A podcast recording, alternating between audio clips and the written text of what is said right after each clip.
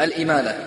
الألف المبدل من يا في طرف أم الكذا الواقع منه اليا خلف؟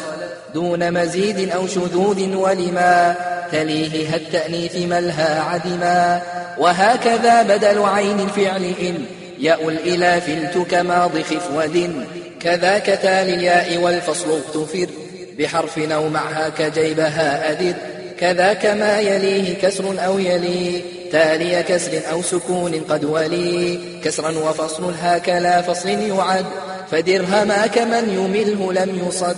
وحرف الاستعلاء يكف مظهرا. من كسر نويا وكذا تكفرا. إن كان ما يكف بعد متصل. أو بعد حرف أو بحرفين فصل. كذا إذا قدم ما لم ينكسر.